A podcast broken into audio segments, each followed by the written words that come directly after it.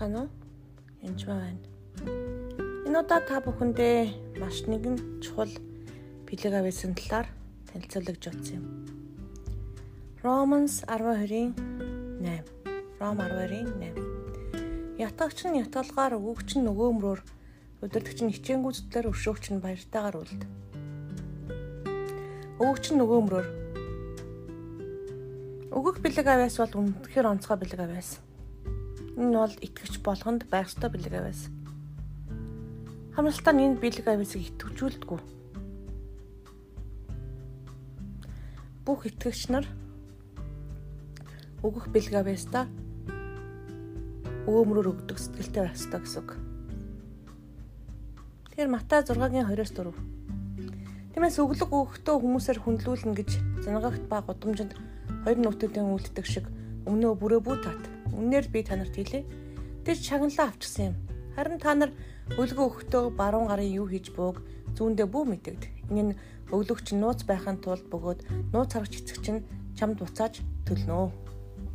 Тэгэхээр зарим өргөлийг бол 11 өргөл бол одоо 11 өргөсөн гэд хэлэхэд бол нэг асуудалтай биш.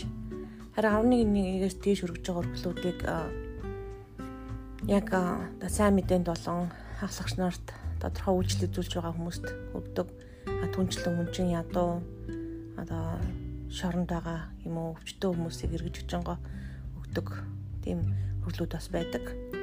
А тэгээд өглөгийн бэлэг авьяас бол их онцгой бэлэг авьяас. Энэ бол миний хамгийн өвчтэй бэлэг авьяас нэг бол биш. Гэхдээ энэ нь би өгдөггүй гэсэн үг ерөөсөө биш. Ер нь нэг дунджаар би нэг анх 11-ийг өрөх гэж нэлээд зовдөг байсан үе бий л дээ. Итгэвч болоод нэлээд эдэн жил тэгсэн. Тэгээ дараа нь энэ 11-ийг өргөл нь үнэхээр амьдрал ахуйд хэрэгтэй үр юм байна. Харин ч хөрөнгө мөнгө босгоход энэ хэрэгцээ битээ байт юм. Өгөхгүй учраас би мөнгөгүй байгаа юм байна гэдгийг учрыг олсноос хойш би сайн өргөж эхэлсэн. Тоолж тоолж л өгдөг болсон. А сүүлдээ яг өгөөд сурчгаар 11-ээс илүү өргөдөг бөгөөд тэнийг тоолоодох шаардлага гарахаа байлдаг дунджаар нэг 15-аас 23% өргөд баг шиг байгаа. Тэгээ таны тэгж өргөх гэсэн үг ерөөсөө биш. Зарим тохиолдолд бурхан дансныхаа 50% өгөр гэж шилжижсэн тохиолдол бий. Эсвэл тэдэн төрөг тэр хүнд өг гэд. Тэгээ сүүлийн үед би өргөлийг дандаа яг ариун сүнсээ сонсоод хинт хаана өгөхийг шийддэг болсон гэсэн үг. Нэгэн жишээ хэлж үгэй. Энэ чиг би бардамнах гэж хэлэвш харин ч би энэ чигээр маш их сурамж авсан жишээ. Cold Wall гэдэг конференцд би оролцож байгаад нэгэн пастортай олон хүмүүстэй танилцсан л да. Нэг пастортай яг нэг сайн наазыг алдсан байсан. Тэгээ би тэр хүнтэй ярилцаад тайвширсан байгаа тэр хүн. Дараа нэг л удаа уулзсан. Дарханд байдаг нэгэн пастор. Нэгэн өдөр бурхан за тэр хүнийг сануулад чи тэр хүнд өргөл өрг гэжэлсэн. Тэгээд би аа заагаад олоод мессенжер олоод зөндөө удаан холбогдоагүй байсан сайн минут таа гэд та тансаа явуулаач гэж хэлсэн.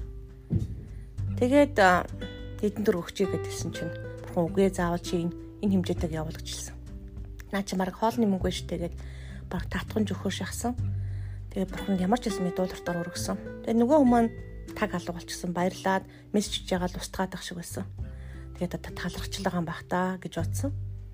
Тэгсэн чинь хэд хоногийн дараа надад уртаа мессеж ирээд надад над руу ярьсан баа.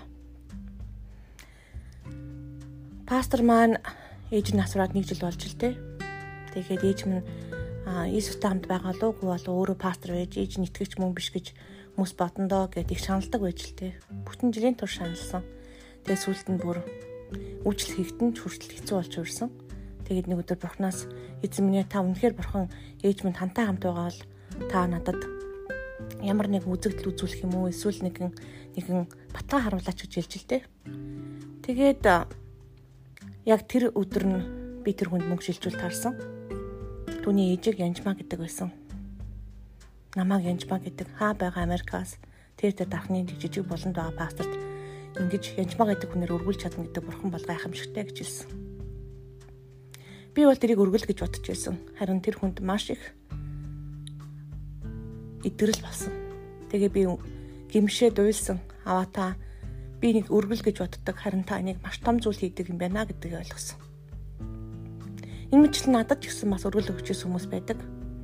Үнэхээр хэцүү би би 35 6 удаа нүүсэн хүн. Тэгээд олон улс ч гэсэн 5 6 нүүсэн. Тэгээд олон жижиг хүүхдтэй нүүх тийм амархан биш. Зардал мөнгө байнга гардаг. Нүүхтэй олонд л эцүү хэлдэг. Энд тэндээс тавилга, хувц сунар, гуйхгүй юм л байхгүй. Тэгээд нэг удаа хоёр хүүхдтэй байж чад гурав дахь хүүхд гарсан чи байрнаас хөөгцөн. Та хоёр өрөө байранд байж болохгүй, гурав өрөө байранд байх ёстой. Илүү хүүхдтэй болсон гэж лээд. Тэгээд гурав өрөө байрны илүү үнэтэй бид нар мөнгөө дийлэхгүй болсон. Тэгээд яалтчгүй тэр байрнаас нүүж таарсан. Тэгээд нүүрсэн чинь та нар эрт нүүсэн учраас гэдэг депозит нэм 800 долларыг бас ураагаад авцсан. Тэгэл бурхнаас эзэн минь гэд лүйлж эхэлсэн. Туслаач гэд. Тэгээд гатаа гаргаад тарсан чинь миний машины бүх хэдэн дор яг тэр 800 доллар дутуун тэгээд байжсэн. Би тэр хүнд ч хэлээгүй. Тэгэхээр заримдаа өглөгийн бэлэг авьяастай хүмүүс яг хэрэгцээтэй хүнд нь хэрэгцээтэй тогтно, хэрэгцээтэй мөнгө нь өгдөг байгаа эсвэл хоол хүнсэн ч юм уу. Тэгэхээр зөвхөн мөнгө төдийгүй хоол хүнсээ ч гэсэн хөргөл байж болно. Солонгост байхдаа би бид хэд байшингийнхаа мөнгийг асаа алдаад, барьцааныхаа мөнгийг алдаад хоол хүнсгүй болж хувирсан. Хойлоо тэгэл өсгөлтөнгийн байдалтай зөвхөн сүмдэр очиж хоол иддэг. 7 хоногт нэг л удаа хоол иддэг. Тийм байдалтай бас байсан. Хаяа нэг талх болвол талхан дээр кэж тавьж идвэл нэг төсөм талгаа хувааж идэл. Хин хичээлээгүй явж исэн. Харин тэгсэн чин гадаа сүмийн гадаа байсан байраас гэр хорийн хооронд явж байхад нэгэн хүн дайралтаад маа энэ ваучрыг ав хол хүсний мөнгө шүү гэж хэлсэн. Би тэр бүр гайхаад худлаа цаас бахтаа гэж утсан чинь тэрнээс мөнгө байсан. Харин тэр мөнгөөр нь хоол хүнс аваад бид нар зөвхөн өөртөө биш өөр хүмүүстэй хүүхдүүдэд залуучуудад бас хоол авч өгсөн. Харин тэр цагаас хойш хоол хүнсээр ерөөсөө тасраагүй. Ер нь бол өргөл гэдэг бол дутуу байгаа гачтаж байгаа юм аа өгч эхлэх хэрэгтэй гэж би боддог.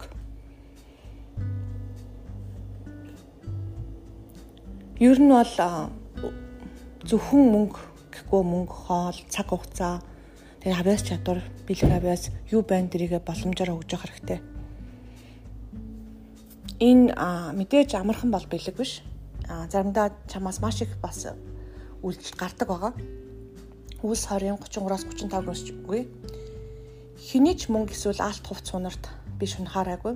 Миний болсон Бидний бол надтай хамт байх гэсэн хэрэгцээний төлөө энэ гар минь үйлчилж байсныг та нар өөрөө өөрсдөө мэдэж байгаа. Ингээд зүдэд зүтгэж байж л дараа нэгэндээ тус болох ёстойг би та нарт бүх талаар үзүүлсэ. Мөн эзэн Есүсийн аалцсан авахаасаа өгөх нь илүү өрөөлтэй гэсэн үгийг санахтун гэж хэлв. Ингээд авахаасаа өгөх нь илүү өрөөлтэй гэдгийг дахин сануулчлаад энэ подкастыг дуусгая. Тэгээд та бүхэн сайн өглөгч байгаараа. Тэгээд эзэн таныг өрөөх болно амжилт хүсье. Баярлалаа.